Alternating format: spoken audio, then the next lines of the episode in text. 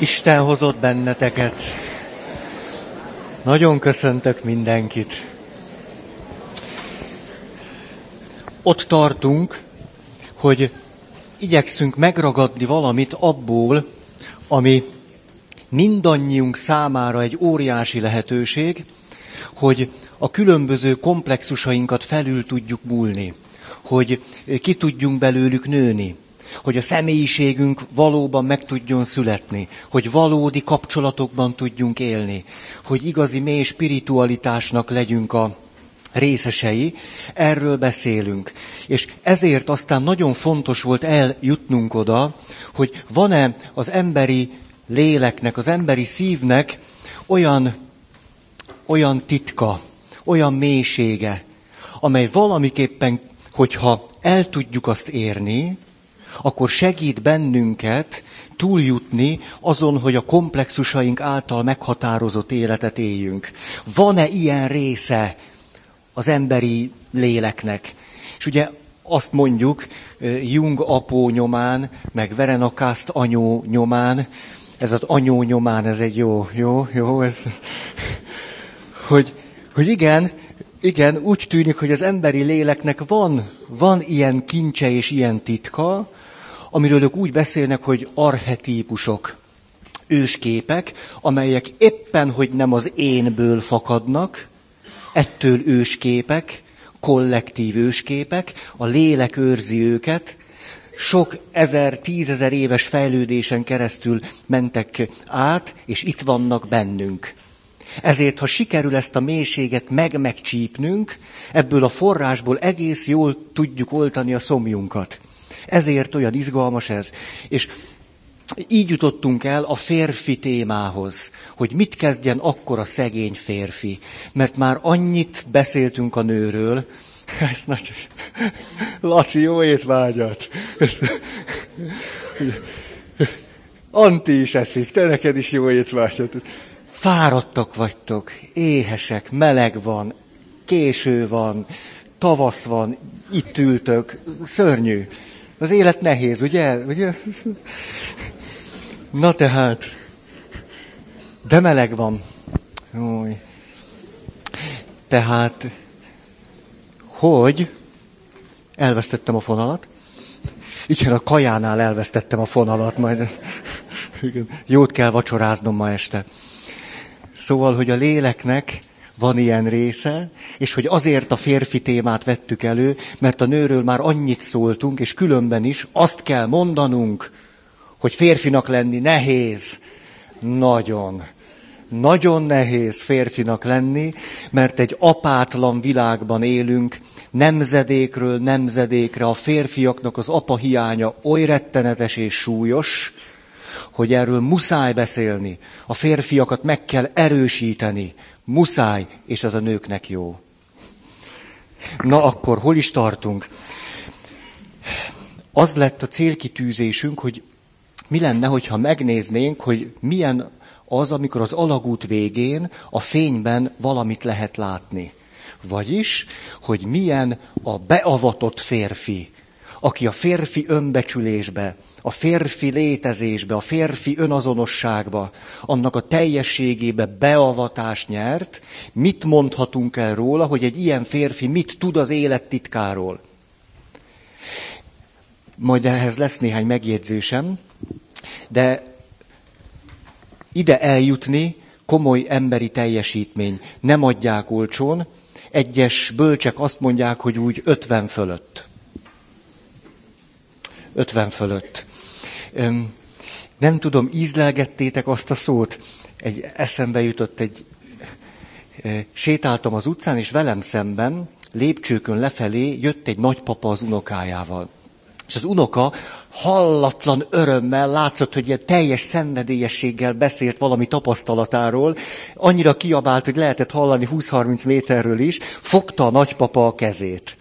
És ez a kisfiú olyan érdekes volt, a következő kérdés maradt bennem nagyon, hogy beszélt, beszélt, hát nem pontosan értettem, hogy mit, de a kérdése így szólt, na mond, nagyapa, nem érdekes dolog ez? Mondta a nagypapának, aki fogta a kezét, és mentek együtt le a lépcsőn, és a nagypapa bólogatott, és nem szólt egy szót se, és a kisunoka pedig, hát Mit mondjunk erről? Hát varázslat. Fogni a nagypapa kezét, mesélni a tapasztalatokat, és azt mondani, hogy hát nem érdekes ez, nagyapa. És a nagyapa nehogy megmondja, hogy nem is annyira érdekes, mert ő már ezt... hanem hát csak fogja a kisunokája kezét, és hallgassa, hogy mi az érdekes a világban. Ennyi. És akkor ez a szó, hogy, hogy nagypapa, hogy teljesen a, a jelentését se értjük. Hogy ízleltétek ezt a szót, hogy nagy apa. Egy nagy apa. Nem mindig csak nagypapi. Egy nagy apa. De nagy dolog az, ha egy családban van egy nagy apa, aki a fiak számára sokszor nem az apa. Túl sok a konfliktus. Túl sok mindent kell lemecselni az apával. Túl sok téma van ott a fia meg az apja között. Ezért de nagy dolog, ha egy családon belül, ebben a nagyon természetes kis világban létezik a nagy apa. De nagy dolog ez. Ah, jó. Nézzük akkor, mit mondtunk el a beavatott férfiről. Mi az, amit ő már az élet tapasztalatából tud. Ahogy megy és fogja a kisunokája kezét, aki mondja, hogy hát nem érdekes ez, nagyapa. A nagyapa pedig fogja a kisunokája kezét, nem mond semmit, de ezt az öt dolgot tudja. Nem az eszével, nem csak a gyomrával, hanem úgy nagyon. Az első így szólt, a beavatott férfi tudja, hogy az élet nehéz és nem akarja azt megkönnyíteni. A beavatott férfi tudja, hogy meg fog halni ő személyesen. És ezt nem akarja elkerülni. És a beavatott férfi tudja, hogy nem annyira fontos. Fontos, de nem annyira. És ezt a mondatot nagyon sokféleképpen be tudja fejezni. Mit jelent az, hogy nem annyira fontos? Erről nagyon sok tapasztalata van, és még inkább éli, hogy mit jelent az, hogy nem annyira fontos. Ez volt az első három pont, és jön a negyedik. Segítségünkre van továbbra is Daniel Gottlieb, egy nagypapa, és a nagypapának a levelei az unokájához. Tudjátok, a nagypapa fiatalon autóba esett, nem tudja mozgatni se a kezét, se a lábát, a kisunokája pedig autista. Két éves korában kiderül, hogy az, és a nagypapa mégis álhatatosan írja a leveleit a kisunokájának. Ő van tehát segítségünkre, és nézzük, mi a negyedik pont. A negyedik pont így szól, nem te irányítasz. A nem te irányítasz, ez a mondat, a sötét alagút végén megvilágítva a fényjel. Ugye egy kisgyerek pontosan tudja, hogy nem ő irányít, és rettenetesen mérges is érte. De itt nem erről van szó. Itt a nagypapa mély élettapasztalatáról van szó, hogy ő már tudja, hogy nem ő irányít, és ezzel békében tud lenni. Már békében él azzal, hogy nem ő irányít, miközben mindent, ami az ő felelőssége képes vinni. Férfiként, emberként. Mit jelent ez? Már nem menekül a saját gyöngeségének a tapasztalataitól. Tudja, hogy tud nagyon gyönge lenni. Tudja azt is, hogy szinte bármikor el is tud bukni. Erről tud. Ismeri a sebzettséget, azt, hogy ameddig élünk, meg tudunk sebződni. Hogy tud, tudja, hogy mit jelent az, hogy fáj. Erről nagyon is tud. De közben mindezt már meg is tudja becsülni azokat a sebeket, amiket adott neki az élet, meg tudja becsülni. A gyöngeségét tudja értéknek látni. Az esendőségében meg tudja látni a kegyelemnek a termő talaját. Szép ez, ugye?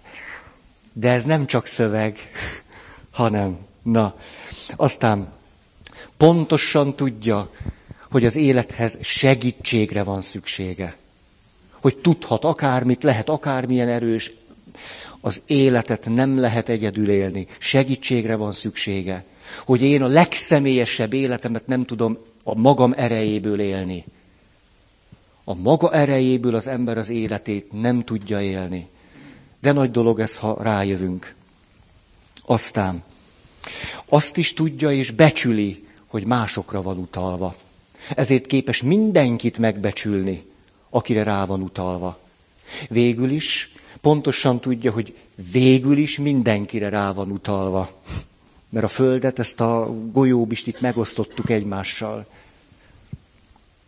Aztán tudja, hogy a világ korlátozott, és ezt meg tudja becsülni, hogy nincsen korlátlan haladás, meg fejlődés, meg legfőjebb esztelen gondolatok vannak. Itt muszáj megállnom, ezt nem, nem bírom ki, hogy egy, egy víziómat nem mondjam el nektek, amiben a múlt alkalommal már picit belekaptam. A vízióm valahogy az, hogy ahogy általában gondoljuk, hogy mi az a világ, amiben élünk, jobbára egyáltalán nem létezik. A mi fejünkben létezik. Ott van, úgy többé-kevésbé, és amikor hallok megnyilatkozásokat, hogy jaj, hát átjutunk ezen a válságon, egy-két év, nekünk öt-hat, mert mi valahogy így csináljuk az összeset, de azért majd mi is átjutunk, és utána megint, megint, megint. Na szerintem ez a világ nincsen. Ez a világ nem létezik, legfőjebb itt, az álmainkban, vágyainkban. A kérdés, hogy mikor ébredünk föl. Ugye, egy vízió, öt perc alatt végzek vele. Csak mégiscsak, na, mert ide tartozik a témánkhoz. Tehát ugye, hogy, hogy egy ökológiai válságnak a fölismerése. Pénzügyi gaz- válság, gazdasági válság, társadalmi válság, aztán látjuk azt, hogy itt mégiscsak valami morális, szociális válság is van, aztán megyünk lejjebb, ó, hát itt egy erkölcsi válság is van, és aztán, hogy megyünk, rájövünk, hogy tulajdonképpen egy spirituális válságnak a kellős közepén csücsülünk. Eddig nem valószínű, hogy sokan el akarnak merészkedni, hogy valójában, ha még most lejjebb megyünk, akkor egy spirituális válságnak a lábnyomát vehetjük észre. Nagyon és nagyon és nagyon.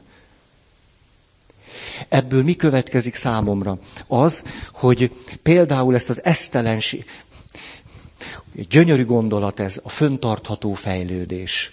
Ez egy gyönyörű gondolat, ugye azt jelenti, hogy képesek vagyunk a jelenben a szükségleteinket úgy kielégíteni, hogy ne veszélyeztessük a következő nemzedékek alapvető szükségletének kielégítését.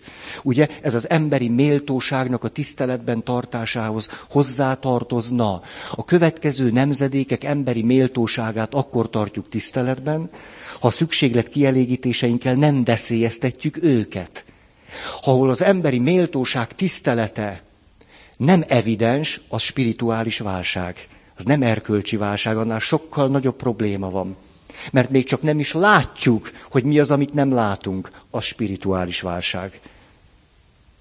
Ezért érthetjük jól ezt a mondatot, de én szívesen, szívesen áttérnék egy másik gondolatra. A másik gondolat így hangzik, fenntartó csökkenés. Ha én valamiben bízok ebben, a fenntartható fejlődésben, úgy, ahogy azt ma gondolják, én egy kicsit se hiszek. Egy megtartó csökkenésben annál inkább. A megtartó csökkenés az az, hogy belátjuk a korlátainkat, azt, hogy egy véges bolygón élünk, véges energiával, nem tudom mi, legalábbis ahogyan ahhoz tudunk mi kapcsolódni. Tehát egy megtartó csökkenés a számomra azt jelenti, hogy Emlékeztek, erről beszéltünk, hogy a számok szerint mi Magyarországon úgy élünk, mintha egy kétszer akkora föld állna rendelkezésünkre. És az amerikai Egyesült Államoknak a polgára, rosszul mondtam múltkor az adatot, mert egy másik szám volt a fejemben, ami ide tartozik, úgy él, mintha egy ötször nagyobb bolygón élne számok nyelvén, mintha egy 10 hektárnyi terület állna a rendelkezésére, szükségletei kielégítésére. Miközben ez a szám 2,2-2,3 hektár, de akkor benne van az örök hóbirodalma is. Egyébként csak 1,8. Ez mit jelent? Hogy eh, sokkal kevesebbel kellene tudnunk beérni. Sokkal. Csak hogy a mi világunknak a logikája egy ilyen dupla vagy semmi logika. Ugye, vagy az utcára kerülünk, és krrr, vagy pedig taposunk. Ezzel kapcsolatban mondtam azt, hogy kevesebbet kellene dolgozni. Mindenkinek. Azért, hogy mindenki munkához jusson. Nem azért kéne kevesebbet dolgozni, hogy többet szórakozzunk, meg pihenjünk, hanem hogy mindenkinek legyen tisztességes munkája. Azért kellene kevesebbet, meg azért is, mert mégiscsak egy technikai civilizáció ezt lehetővé teszi. Kevesebbet kellene dolgozni, és lenne nagyon sok fönnmaradó időnk. A nagyon sok fönnmaradó idő rettenetes nyomást jelentene. Mert gőzünk sincs, hogy mit kezdjünk vele. Halvány gőzünk sincs, ezért a fönnmaradó időt arra kellene fordítani, amire való. Vagyis emberi kapcsolatoknak a föntartására, egy család építésére, egy nagy családban való részvételre, közösségi életre, szolidaritásunknak a kifejezésére, a sajátosan minden jó szándékunk ellenére lecsúszott és nyomorult és, és, és, és, és, és hátrányos helyzetű embereknek a kísérésére, támogatására. Bőven lenne azt az időt hova tenni. De ki az, aki ezt meg tudja tenni? Mert ez azt jelenti, hogy jóval kevesebbel kellene tudnunk beérni, ami a szükségleteinket jelenti. Kevesebbel. Hát annak, akinek a, a spiritualitásnak a témája a szívében a helyére került. Mert már ahhoz, hogy a saját létét igazolja, értékesnek tartja, vagy az életét értelmesnek, ahhoz neki már nem kellene senkit legyőzni, nem kellene e, még több pénz, még több poz, nincs szüksége hatalomra és birtoklásra, ezekre már nincsen szüksége, mert spirituálisan a helyén van. De hogy tud valaki spirituálisan a helyére kerülni? Ha egy olyan családban nő föl, kis és nagy családban, amely egy közösség részeként is él, ahol a szülők megfelelő időt, energiát tudtak rá fordítani, akkor annak a gyereknek a spiritualitása a helyén tud lenni. Ezért ő nem zavarodna meg attól, hogy, hogy még több, és mennyiség, és birtoklás, és hatalom, és pénz, és nem tudom én mi. De ennek az a föltétele, hogy legyen anyukája, aki ráér, meg apukája, aki ráér, legyenek nagyszülők, akik elérhetők, és hogy a család közösséghez és közösségekhez tartozzon. Ez egy csomó idő és rengeteg energia. Ha innen nézzük, azt mondhatjuk, rengeteg munka vár ránk. Az, hogy azt mondom, hogy kevesebbet kellene dolgozni, ez az alapvető létfenntartásunkra vonatkozó munkára utal. A pénzkeresetre. Egyébként meg sokkal többet kellene dolgoznunk. A kapcsolatainkon, a közösségeinken, a szolidaritásunkon és mi egymáson. Ezért szükség lenne a fenntartó csökkenést belátnunk. Legalábbis én ezt gondolom, ez a vízióm. Hogyha ezt belátnánk, még egészen túl is élhetnénk. Különben nem tudom.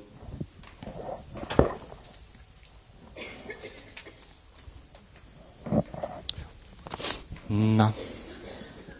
Tehát nem te irányítasz.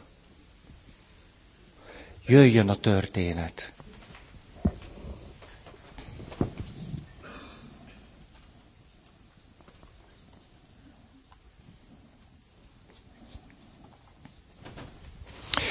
Egy este a rendelőmben ültem, éppen egy 17 éves lány volt nálam. Kinézete miatt panaszkodott. Utálta magát. És ahogy lefestette saját magát, elszomorodtam, mert mint a legtöbb lány, nagyon csinos volt ő is. De a szégyenérzet megakadályozta abban, hogy annak is lássa magát. Az osztálytárs nőihez és a divatlapokban látott manökenekhez hasonlítgatta magát, és a hasonlítgatás következtében elégedetlen volt a látványjal. Hogyan segíthettem rajta? Azt tudtam, hogy hiába való lenne, ha elkezdeném bizonygatni, hogy milyen szép. Ráadásul még ártanék is vele. Ha elkezdeném dicsérni, ahogy a legtöbb ember tenné, csak úgy érezné, hogy nem értem meg. Sőt, talán nem is érdekel a bánata. Ezt azért tudtam, mert az emberek már rengeteget bizonygatták ezt nekem is. És ettől én csak rosszabbul éreztem magam a bőrömben, ráadásul tudtam, hogy nem értenek meg.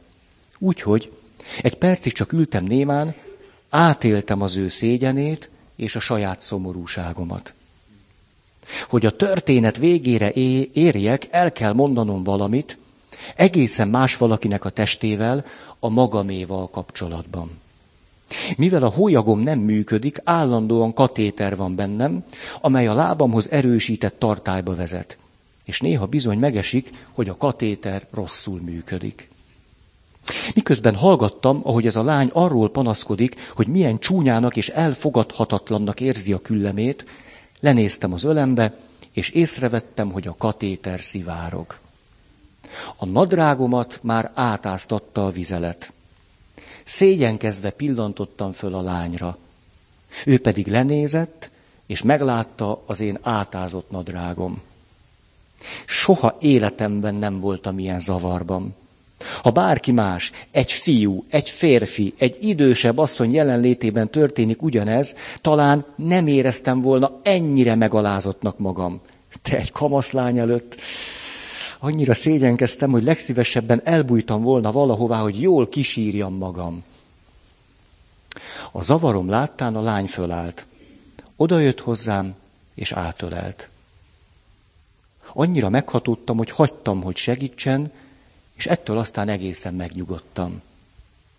Persze, kénytelen voltam korábban véget vetni a beszélgetésnek, de előtte még megbeszéltük mit kettőnk közös szégyenét. Azt, hogy mindez milyen fájdalmas, meg hogy ennek a fájdalomnak egy része szükségszerű, és hogy a másik része nem. Úgyhogy ott állt két ember, illetve én ültem, aki egyszerre élte meg ugyanazt a fájdalmas érzést. Mielőtt ez bekövetkezett, a lány roppant magányosnak érezte magát, és elfogadhatatlannak a testében, és amikor én lepillantottam az átázott nadrágomra, hát hasonlóképpen éreztem magamat is. Aztán mégiscsak egymás szemébe néztünk, és átéltük a másik kiszolgáltatottságát. És abban a pillanatban a szégyennek nyoma veszett, mert tudtuk, hogy megértjük egymást.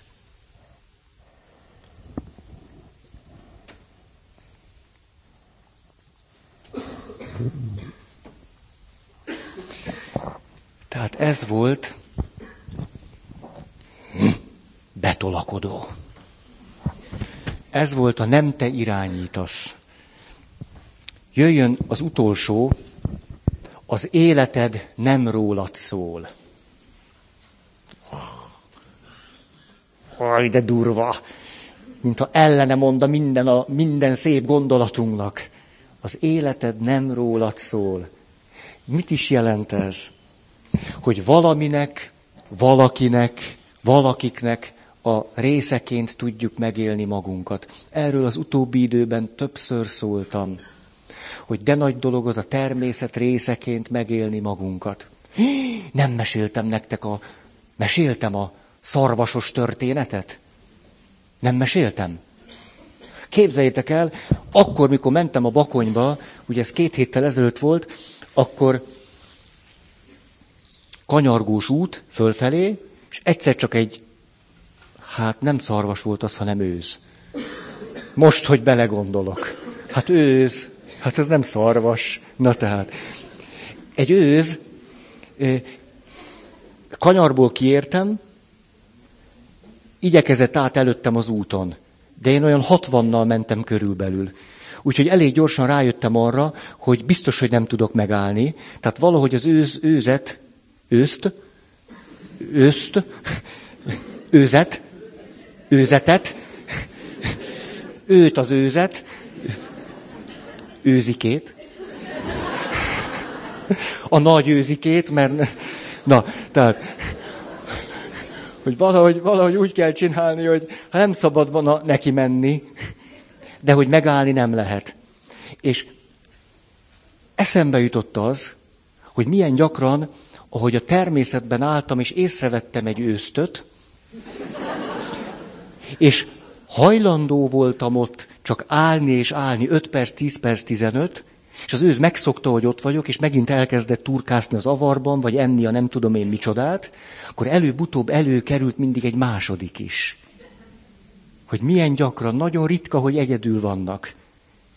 És tudjátok, ahogyan ez az őz már elindult, már az úton volt, és ment előttem, és arra gondoltam, hogy ó, ó, úgy kell csinálni, hogy addig fékezek, és akkor szép nyugodtan átmegyek mögötte. Eszembe jutott, hogy mi van, ha nincsen egyedül.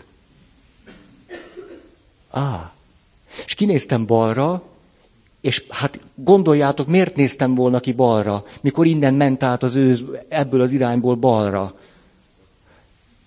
Jobbra.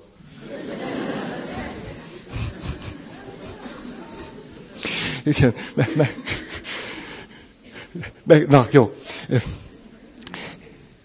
És akkor kinéztem balra, amerre semmi értelme nincs kinézni, mikor az űze éppen jobbra fut, és nekem abba az irányba kell ügyesnek lennem, és ott állt a másik. És az is indult. És az történt, hogy rájöttem, hogy tulajdonképpen meg lehet úszni ezt a helyzetet úgy, hogy átmegyek a két ősz között. És a legérdekesebb az volt, hogy éppen csak annyit kellett fékezni, hogy az első őz az elfusson, a második meg még ne érjen oda. Tulajdonképpen a kormányon szinte semmit nem kellett változtatni vagy alakítani, kellett csak annyit fékezni, hogy az első átérjen, másik ne, és így átmentem. Ez most volt két hete. És utána eszembe jutott az a rengeteg film. Tudjátok, hogy ősz kiúr, és az illető elkapja a kormányt, vagy belemegy, vagy...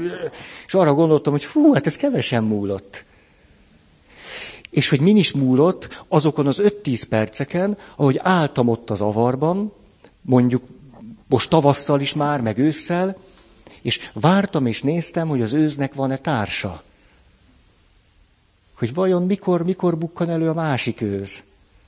Ah, ez jutott eszembe, milyen nagy dolog, hogy van élményem arról, hogy a természetnek a részeként csak úgy átsorogni. Olyan dolgokra jutok, ó, ez lehet, hogy megmentette az életem. De a kocsit biztos. És, a, és valljuk meg, egy férfinek az autó nem arra való, hogy A pontból B-be eljussunk.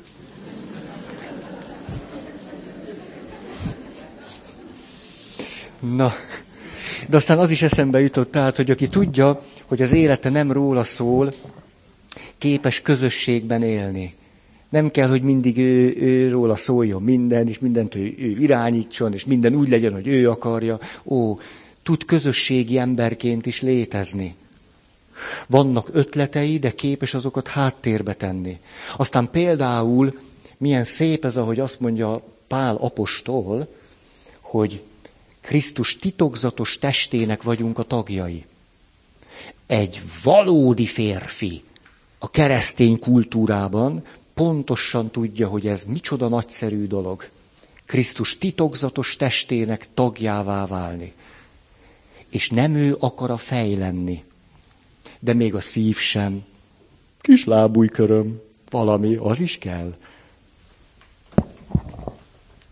Igen, ezt mondhatnánk család részeként, egyházközség részeként. Hmm. És milyen nagy dolog az, Ugye egy fiatal férfi meg akarja találni helyét a világban. Hogy egyre idősödünk, rájövünk, hogy valami részeként akarjuk megtalálni már a helyünket. Nem akarunk mindig a fő helyre ülni. Miért is akarnánk? Aztán a beavatott férfi tudja, hogy mit jelent dolgozni és szeretni. Hogy oda tudja magát adni, és képes jó értelemben nem törődni magával, jó értelemben, nem állandóan magával törődni. Hogy van élete mások számára. Igen, férfiakat látok, akik nagyon sajátosan ezt a férfi önazonosságot nem tudták elérni, vagy úton vannak, és azt lehet rajtuk látni, hogy tulajdonképpen az életüket nem adják oda, hanem elvéreznek. És az, az nagyon más. Az annyira torokszorító, mikor egy férfin azt látod, hogy elvérzik, és nem azt látod, hogy az életét odaadja. Az nagy különbség. Igen, hát ilyesmire valójában az képes, aki átment már ezen, azon az életében. Beavatott férfinek lenni egy életútnak, tehát, hogy ezt valaki éli, nem csak a beavatásban részesült valamikor, azért az egy életútnak a második, második felében tárul föl. Ezért nagyon nehéz. Emlékeztek, mikor azt mondtam, hogy tulajdonképpen minden előadás legalább minimum négyféleképpen kéne elmondani. Mert ha nézünk nagyon egyszerű tipológiákat, akkor hát legalább az embert legalább négyféle csoportba kell beosztani, hogy legyen ott hasonlóság, dinamika, ellentét, minimum négy. Ugye a legegyszerűbb tipológiák minimum négy.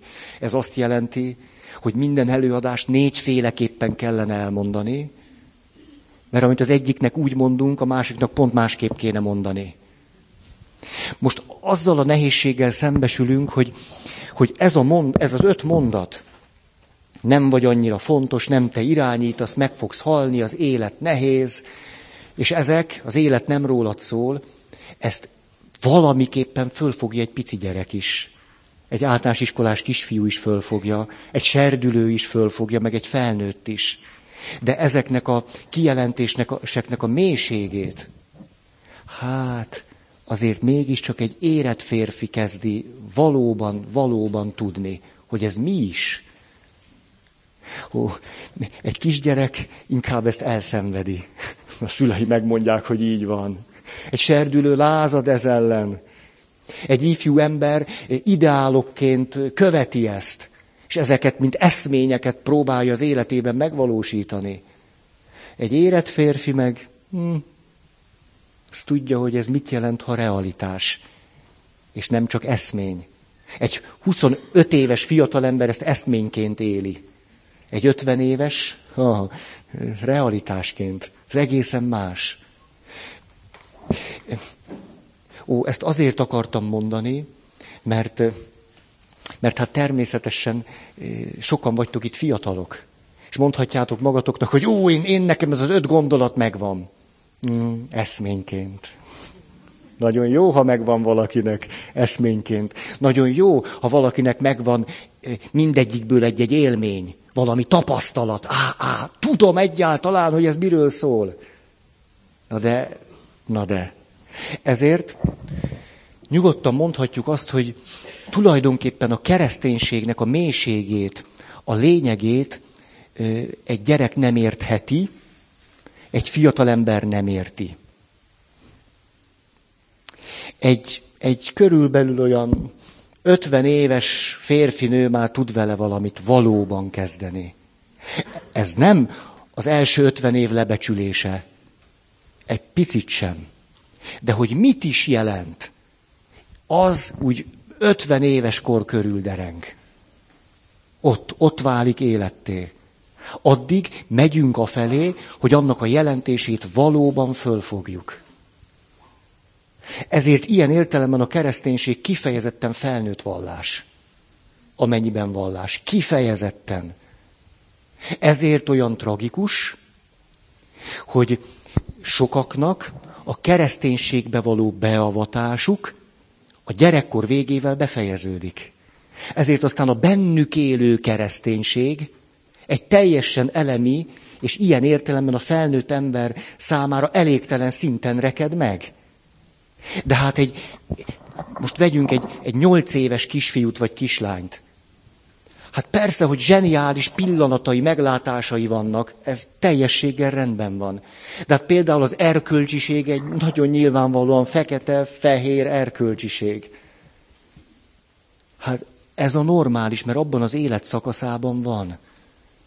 Ó, ezért, ezért, hogy mi is a kereszténység, azt, azt fiatalon lehet érteni, mondjuk úgy valamennyire. De hogy az mi valójában, azt megélni, azt úgy, hát az, az felnőtt embernek a műve. Nem, a fiatalé nem tud lenni, most akármilyen elkeserítő is ez. De ahhoz, hogy a, egy, egy 50 éves ember azt már, már mélyen tapasztalja és élje, ahhoz neki 30 évesen, meg 20 évesen azért lelkesedni kell. 15 évesen lázadnia kell ellene, mit tudom, 6 évesen meg bele törődni, hogy mégiscsak úgy van, hogy az apám mondja. Tehát ezek a lépések roppant fontosak, csak. Csak. És ezért olyan nehéz, hogy a legtöbb templomba járó keresztény ember is a gyerekkori keresztény világával igyekszik a felnőtt vagy életkori élet problémáit megoldani. vagy életkérdésekre választ találni. Hát teljességgel nyilvánvaló, hogy elégtelenek lesznek ezek a válaszok. Egészen egyértelmű. Ezért de nagy dolog, hogy egy felnőtt ember mer padlót fogni. Ezért ugye az életközepi krízis az életnek az egyik legnagyobb lehetősége. Ott, ha azt valaki tisztességgel átszenvedi, akkor ott meg tud érni egy valódi kereszténység. Na, egy történet.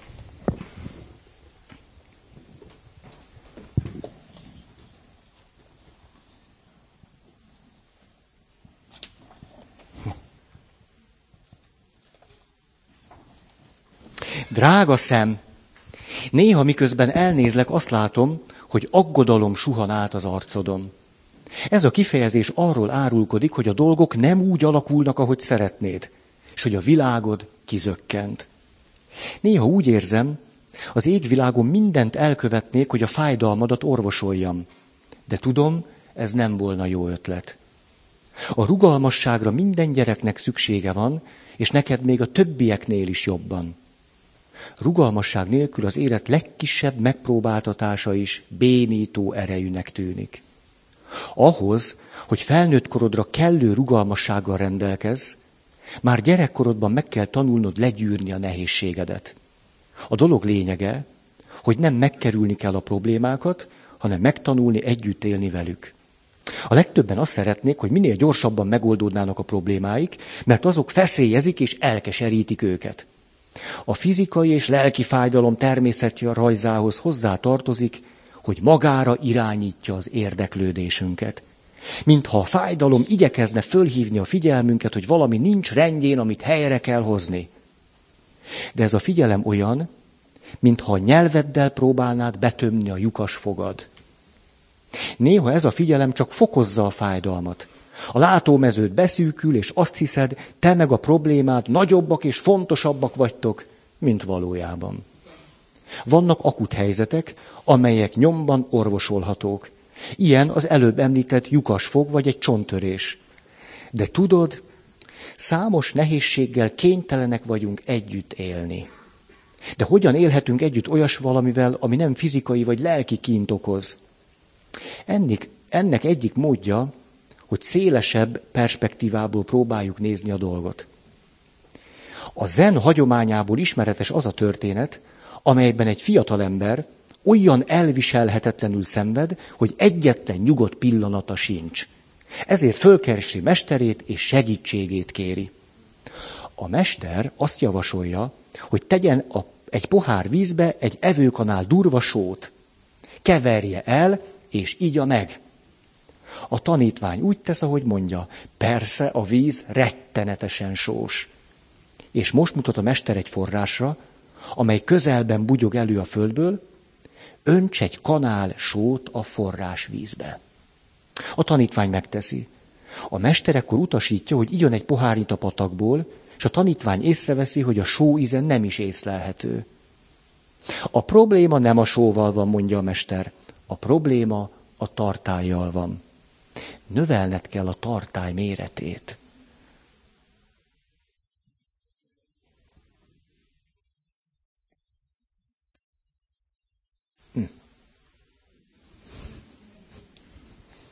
Mert hogy egy zen történet nem szabad utána semmit sem mondani.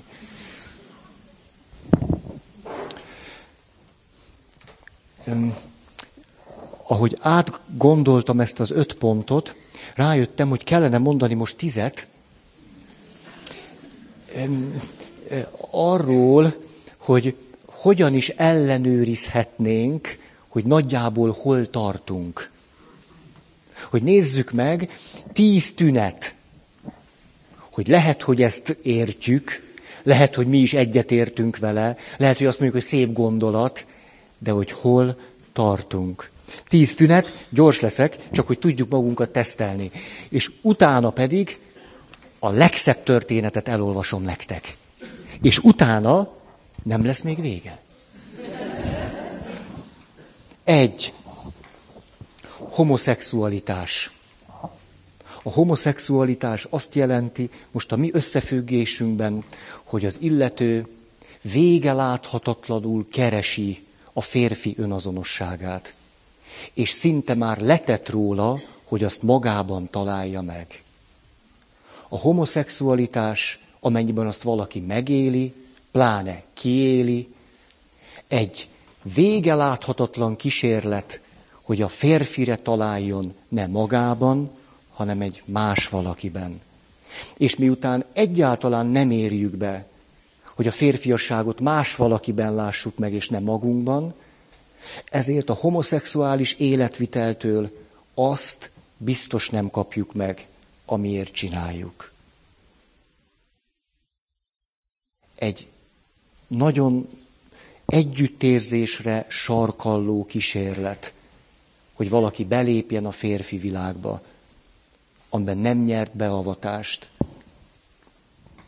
Egy volt, kettő. Ha valakinek folyton, folyton folyvást konfliktusa van a hatalommal, a tekintély személyekkel, aki valahogy mindig rájön, hogy minden főnök hülye, hogy szóval, hogy egyetlen tekintély személy se tud megállni ő előtte. Van egy kedves ismerősöm, pont ilyen, de egy nagyszerű valaki. Attól még nagyszerű valaki, de pont ilyen. És azt mondja a felesége neki, te, kíváncsi vagyok, hogy az utolsó férfit, akit még elfogadsz, mikor fogod megutálni. Ó, tehát aki már 10 éve, 15-20 éve arra figyelmes, hogy minden főnökében keresi a, az azért hülye, az azért hülye, papok, mint tekintélyfigurák. Ugye egy pap se normális. Aki azt mondja, hogy egy pap se normális, azért az egy kicsit túlzás.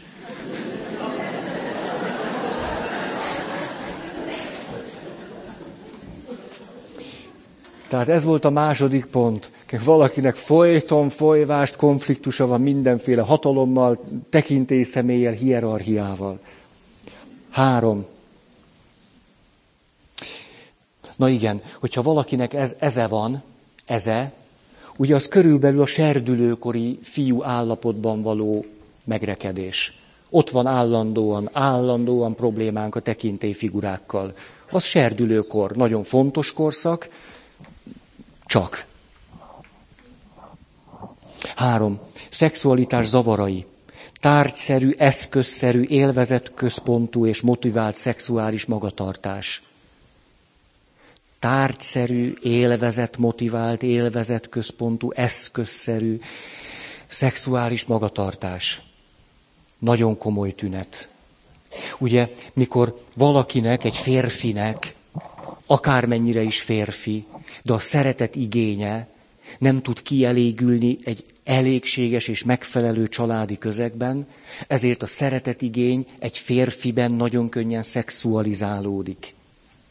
Hiszen annyiszor tapasztalta meg, hogy más úton hiába üzen a világnak, a világ nem, nem elégíti ki, ezért belemegy ebbe a nagyon ösztönös világba, azt mondja tehát, hogy akkor a szeretet igényem úgy tűnik, hogy ebben a csatornában tud valahogy mégiscsak menni, és így, így kapok rá valamilyen választ. Tehát eleve van egy nagy sebződés, a szeretetre nem megfelelő válasz, a szeretet igény szexualizálódik, de mert nincs megfelelő személyes válasz, egy szexualizálódott szeretetigény, hát nyilvánvalóan tárgyasítja a partnerét. Hát mert ahol a szeretet igényére egy személynek kellett volna válaszolni, ott nem volt személy. Akkor ez történik. Élvezetközpontú, tárgyasító, ilyen nagyon-nagyon egyszerű.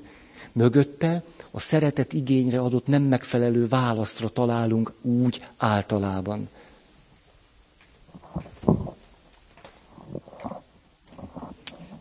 Hm.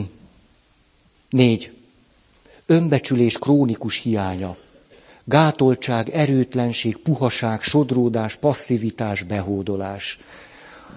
mindenféle önbecsülésnek a hiánya, férfi önbecsülésnek a hiánya. Akiknek a, a dolgait olvastam ebben a témában, azt mondják, hogy úgy általában a ma 30 éves generáció még mindig ott topog a férfi önbecsülés ajtaja előtt, és várja, hogy valaki beeressze már őt. Jó, jó meglátás. Négy, öt. Nőies karakter, az nem baj. Művészek között van nagyon sok nőies karakter. Nem baj. Az evolúció... Hm. Hm. Vannak férfiak, kb. 10-12 százalék nőies aggyal élnek. Férfi test, nőies agy. Nem baj. A probléma ott van, ha nőies karakter van, de hiányzik a férfiasság. Lehet nőies karakter, nőies gondolkodás, de ha a férfiasság úgy alapvetően hiányzik. Ismerek olyanokat, művészek között nagyon sok nőies karakter van. Hát világos. De attól még egy, egy nőiesebb, érzékenyebb, olyan karakterű művész ember is tud férfias, férfias, férfias, férfias vonásokat hozni. Ó, nagyon szép egyensúly tudott lenni. Igen. Szívesen ide mondanám, a férfias karakternek a hiányához krónikus erkölcstelen életvitel. Egy krónikus erkölcstelen életvitel az a férfiasságnak katasztrofális hiányára utal. Az illetőben semmi tartás nincs. Így ennyi. Ilyen kedves szavakkal vigasztalta őket. Agresszivitás. Az agresszivitás, most nagyon egyszerűen, hogy csak egy példát, mikor az a kisfiú olyan sokszor lett lenyomva, hogy végül mi más maradt neki, mint hogy azonosult az agresszorral. Azonosul az agresszorral, átlép a másik oldalra, végérvényesen elárulja a saját magában élő nyomorult kisfiút, és akkor aztán hadd szóljon. Hetes. Kritikátlan azonosulás a férfi világgal. Hatalom, pénz, siker, pozíció, eszmék, törvény megszállottjaként élni. A törvény megszállottjaként élni alatt azt értem, hogy farizeus az illető. Eszméknek, hatalomnak, pénznek a megszállottja, elrendezetlen férfiasság. Nyolc. Állandó apa krízisbe rögzültség. Hogy úgy. Ez az, amikor valaki 30, 40, 50, 60 évesen is keresi az apát. Még mindig keresi, és még mindig keresi. Guruk után rohangász. Gurul. Ez a szakkifejezés. És ha oda gurult, akkor guruzik. Jó, erről nem akarok többet. Kilenc. Nőkhöz kötöttség. Mindig egy női, női kar, egy női kebel, egy női ölel.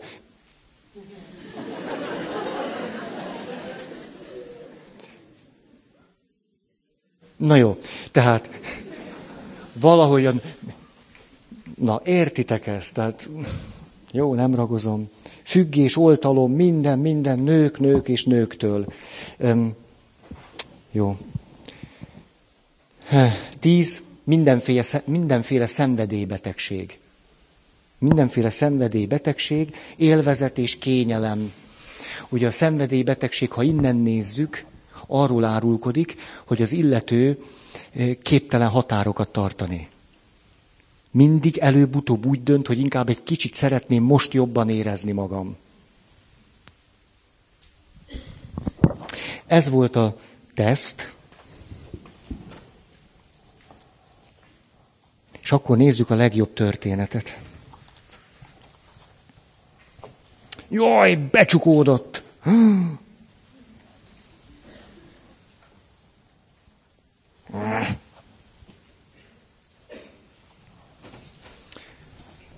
Menj az idő. Ez még nem esti mese. Drága szem. Egy szociológus és író azt mondta, tudod, a halál nem ellensége az életnek. Ha nem volna halál, fogalmunk se lenne, miről szól az élet. Tíz évvel ezelőtt, hogy te megszülettél, az én életem rettenetes volt. És volt egy álmom, amely a kinyilatkoztatás erejével hatott rám. Aha, aha, nem az énből jön, mélyebbről. Ha egy álom a kinyilatkoztatás erejével hat, az illető megtalált valamit, valamit, ami mélyebben van, mint az én. Ezért tud olyan ereje lenni és gyógyítani. Erről fog szólni a következő alkalom, meg az azutáni. Há, sok mondani valóm van, csak nem jutok el oda. Azt mondja, mindez jóval a balesetem után történt, nem sokkal azután, hogy a nagyanyád elhagyott. Gyermekeim akkor kerültek főiskolára. Egyedül maradtam otthon. És a nővéremnél, aki olyan közel állt hozzám, gyógyíthatatlan agydaganat végső stádiumát diagnosztizálták. Szörnyű dráma zajlott a szívemben. Ezek után fölfekvésem keletkezett. Ez nem rendkívüli jelenség olyas valakinél, aki az egész napját egy tolószékben tölti, na de ha bekövetkezik, mindennél rémesebb. A fölfekvések egyetlen ellenszere, ha az ember nem ül tolószékbe, ezért még a tolószék által biztosított apró függetlenség érzettől is megfosztattam. Annyi felől tört rám a bánat, hogy végül orvoshoz fordultam, aki megvizsgált, majd közölte. Meghasadt. Tudom, feleltem. Ő a bőremre értette, én meg a szívemre. Túl nagy rajta a nyomás folytatta, továbbra is a hátsómra célozva. Tudom, hagytam helyben, csak az életemre értettem. Ekkor az orvos észrevette, hogy a seb nedvedzik. Ez rossz jel. Könnyezik, használta rá a bevetett, használta rá a bevett orvosi szakkifejezést. Tudom, feleltem, de én nem a sebre gondoltam. Ettől rettegtem a legjobban.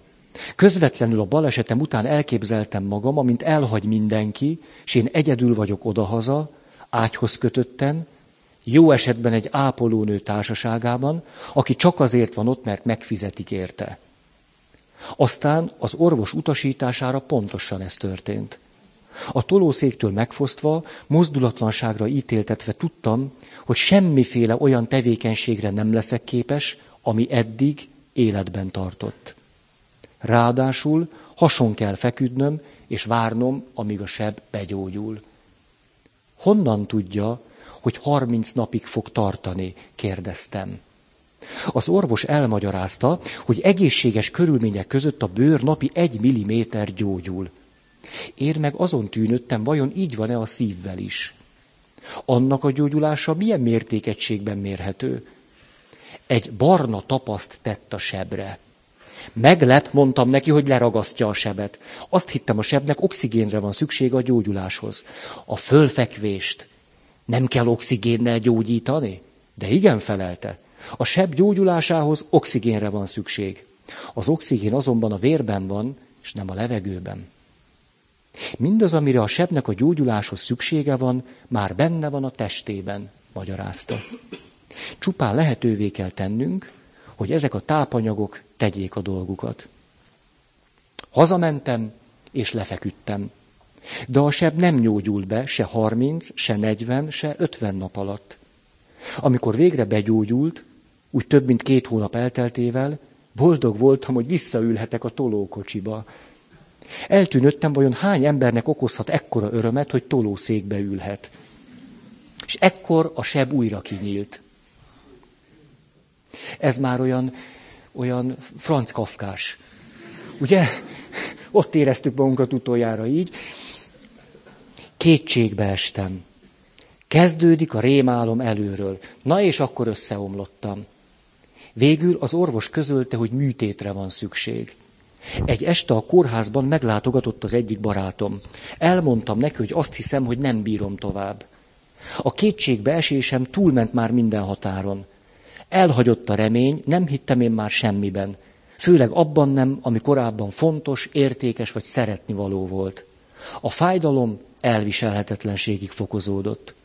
És ekkor a barátom megfogta a kezem, és azt mondta, ide figyelj, hogy mi a dolgod itt, a sokkal fontosabb annál, mint hogy ki vagy.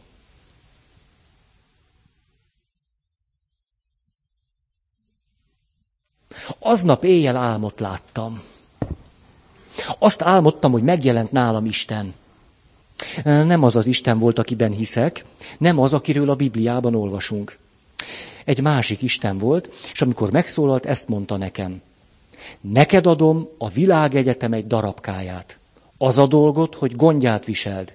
És ha jónak látom, majd visszaveszem, és a te életed véget ér.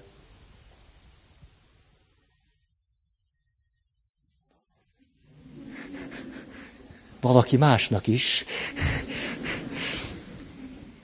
Azt mondja. Megnéztem a világ egyetemnek azt a kis darabkáját, amelyet Isten megmutatott, és láttam, hogy három milliméter. Ez minden? Lázadozni kezdtem a személyemet ért sérelem miatt. Hát én pszichológus vagyok, könyveket írok, rádióműsort vezetek, az mind nem fontos. Persze akárhogy tiltakoztam, nem számított. A jussom így is, úgy is három milliméter a világegyetemből. És ezen nem változtat semmi. Ez van. Ebből az álomból azt is megtudtam, hogy rettenetes nagy felelősség gondját viselni ennek a három milliméternek.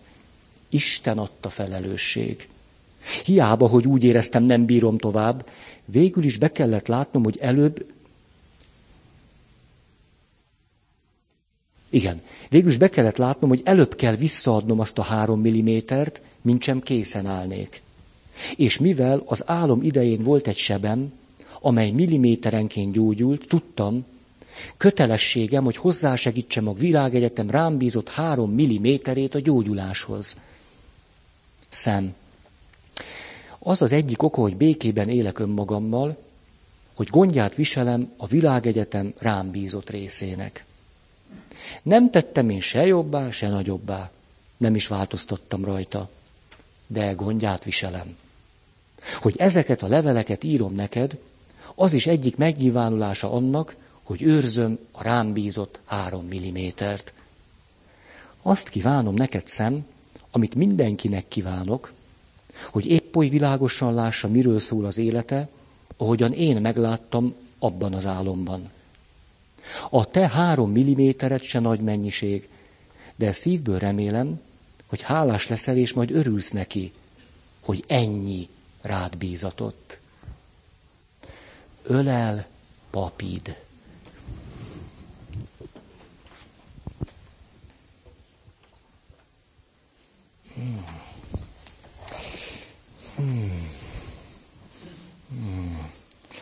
Ez volt akkor a beavatás öt pontja, hat levéllel. És most jutottunk el oda, hogy nézzük meg, mi az, ami az énnél mélyebben van az emberi lélekben.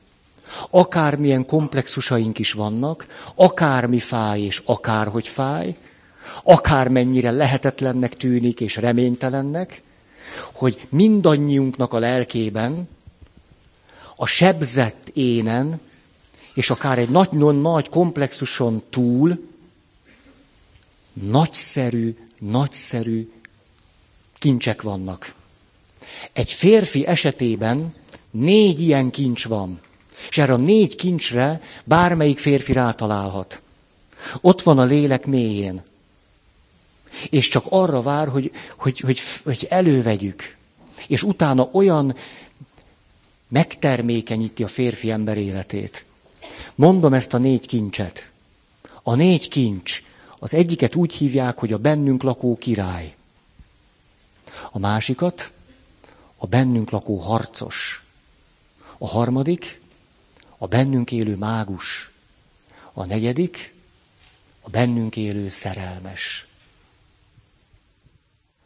Ha mi a nagyon személyes élet történetünkben rá tudunk találni az énünknél mélyebben életet és halált bőséggel adni tudó négy arhetípusra, akkor ez nagyon sokat tud nekünk segíteni abban, hogy bár bizonyos dolgokat nem kaptunk meg az apukánktól, anyukánktól, nagypapánktól, nagypapánktól, nagypapánktól, mert csak nagypapi volt, de nem volt nagyapa, attól még, ha fölfedezzük ennek a négy arhetípusnak a forrását bennünk, ott fantasztikus, fantasztikus dolgokra találunk. De az arhetípusok bennünk, azok nem csak pozitívak, van nekük negatív oldala is.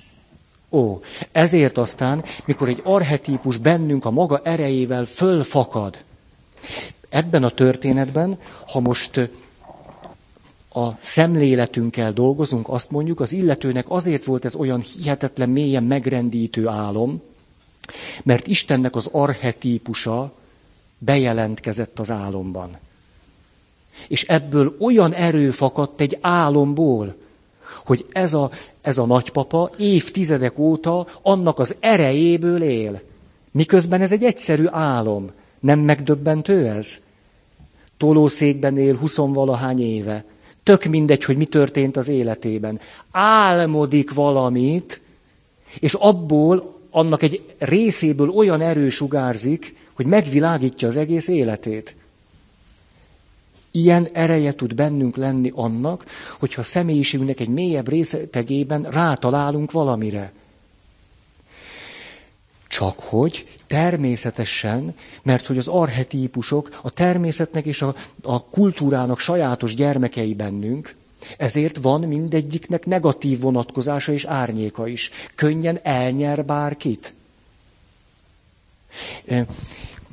A csillagok háborúja nagyszerű.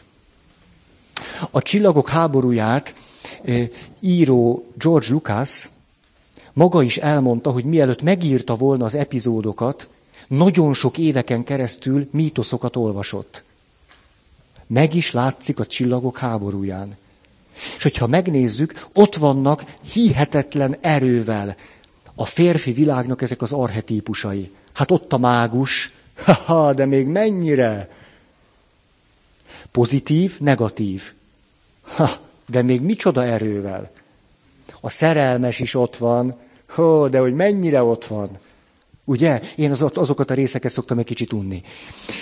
A, nem, néha már kicsit sok volt. Az már annyira arhetipikus volt, hogy nekem az már nem, nem. Kicsit kardozzanak megint. Na.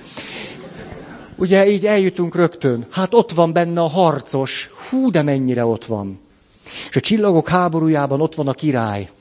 És milyen érdekes, hogy a csillagok háborújának az epizódjaiban van jó és rossz harcos, jó és rossz szerelmes, van benne jó és rossz mágus, király meg szinte csak negatív van benne. Micsoda sajátos lenyomata ez a 20. század második felének. Nem úgy tűnik, hogy ott az igazi, igazi fontos karakterek, harcosok, szerelmesek és mágusok, de nem királyok. A királyok általában ott a hatalmukkal visszaélő mindenféle bizottsági elnökök, meg ilyenek. Nem? Hát láttuk. Ezért a király ős képével szeretném kezdeni mit, mit, mit hordozunk mi mindannyian itt, itt férfiak? Á, és hogy a nők milyen nagyon vágynak arra, amit minden férfi ott hordoz belül, hogy abból nyilatkozzék meg valami. Tehát, csak egy picit vissza, hogy az arhetípusokból óriási energia fakad, de ha valakit egy arhetípusnak a negatív fekete oldala bekebelez, annyi neki, lásd, csillagok háborúja.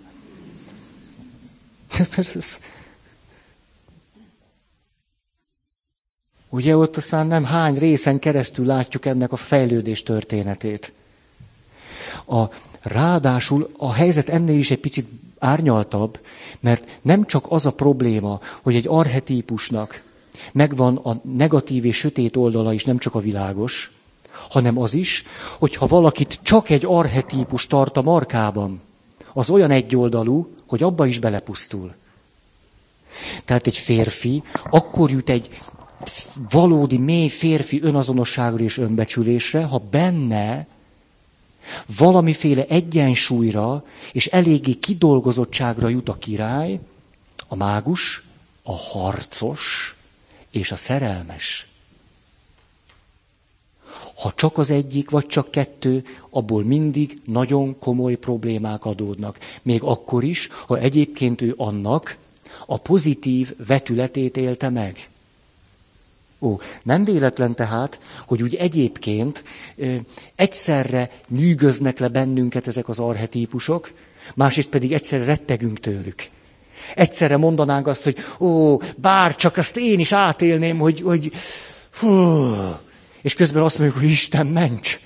És át nem engedjük magunkat, át nem adjuk magunkat, messze rohanunk, mikor valami úgy kezdene a markába kaparintani onnan belülről. Ugye mondok egy nagyon egyszerű példát, milyen sokan mondják azt, ó, ó, ó, egyszer úgy mélyen szerelmes tudnék lenni. Aha, aha, és akkor az vagy, ha belepusztulsz. Nincs mese. Akit a szerelmes arhetípusa megragadott, extázis és halál. Úgy van. Ezért nagyon sokan vannak olyanok, akarva, nem akarva azt mondják, inkább lemondunk az extázisról.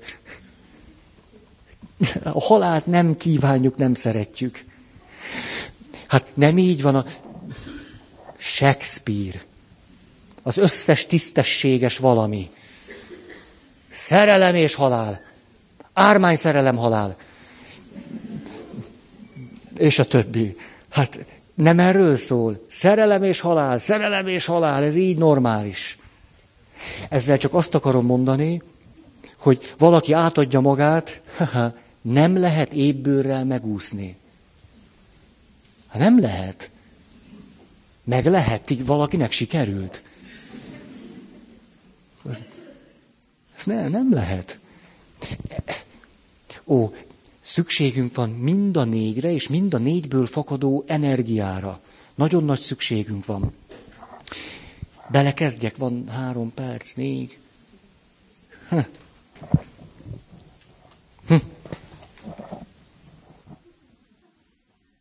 Hogy mondjak egy egyszerű történetet, mégiscsak tudom, én azt akarjátok. Mondok egy pöttyös történetet. Ó, itt a végén. Ah az apáról, hogy micsoda, micsoda nagy ereje van az apa figurának, apa képnek egy gyerek életében. Csütörtökönként jár egy család misére, mert valamilyen oknál fogva nem tudnak jönni vasárnap. Ennek az a következménye, hogy három kisgyerek rakoncátlankodik a csütörtöki misén, mégpedig az első padban ülnek, hogy lássanak valamit, és ne rakoncátlankodjanak annyira amivel azt sikerül elérni, hogy az egész templom őket figyeli, ahogy a három gyerek rakoncátlankodik, és egy anyuka van hozzájuk. Ugye ez egy lehetetlen feladat, tehát a gyerekek kúsztak, másznak a pad alatt, és minden olyasmit csinálnak, amit nem szeretek csütörtök este hat és fél hét között. Na és mi történik? Igen ám, de van egy kisfiú köztük, körülbelül négy-öt éves. Minden szentmise után lejön a sekrestébe, hogy beszélgessen velem. Általában néhány mondat is elég neki, de kifejezetten szertartásszerűen, tehát a Szentmise számára egy bevezetés, hogy végül a sekrestében találkozzon a pappal. Azzal lehet valamit kezdeni, hát öt évesen. Úgyhogy alig bírja kivárni, és hangosan megkérdezi, mikor lesz vége mire az összes idős néni a kardjába dől, ha lenne neki. Ezért csak a kardvirágokat veszik elő. Na, mi történt? Lemegy a mise, na de ez a kisfiú már, szal, azért vannak határok. Tehát, mikor valaki a matchboxnak a tetejével, mert ha a gumis részével üti a márványt, még hagyján, mert azért van az autón a gumi, még ha matchbox is. De hogy valaki megfordítja az ajtót, és a tetejével üti a márványt. Na, na. Úgyhogy lejött a kisfiú, ártatlan szemmel rám nézett, és elkezdett velem beszélgetni. Na mondom, azért, na na. Mondom neki, figyelj csak. Azért azt tudod, hogy ez sok volt. Ez már nagyon zavaró volt.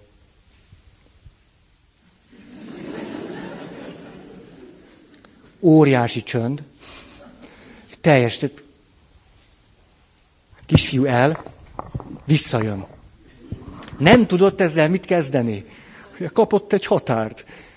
És úgy rám nézett, és a következőt kérdezi. Feri atya, nyáron lesz a születésnapom. Eljössz?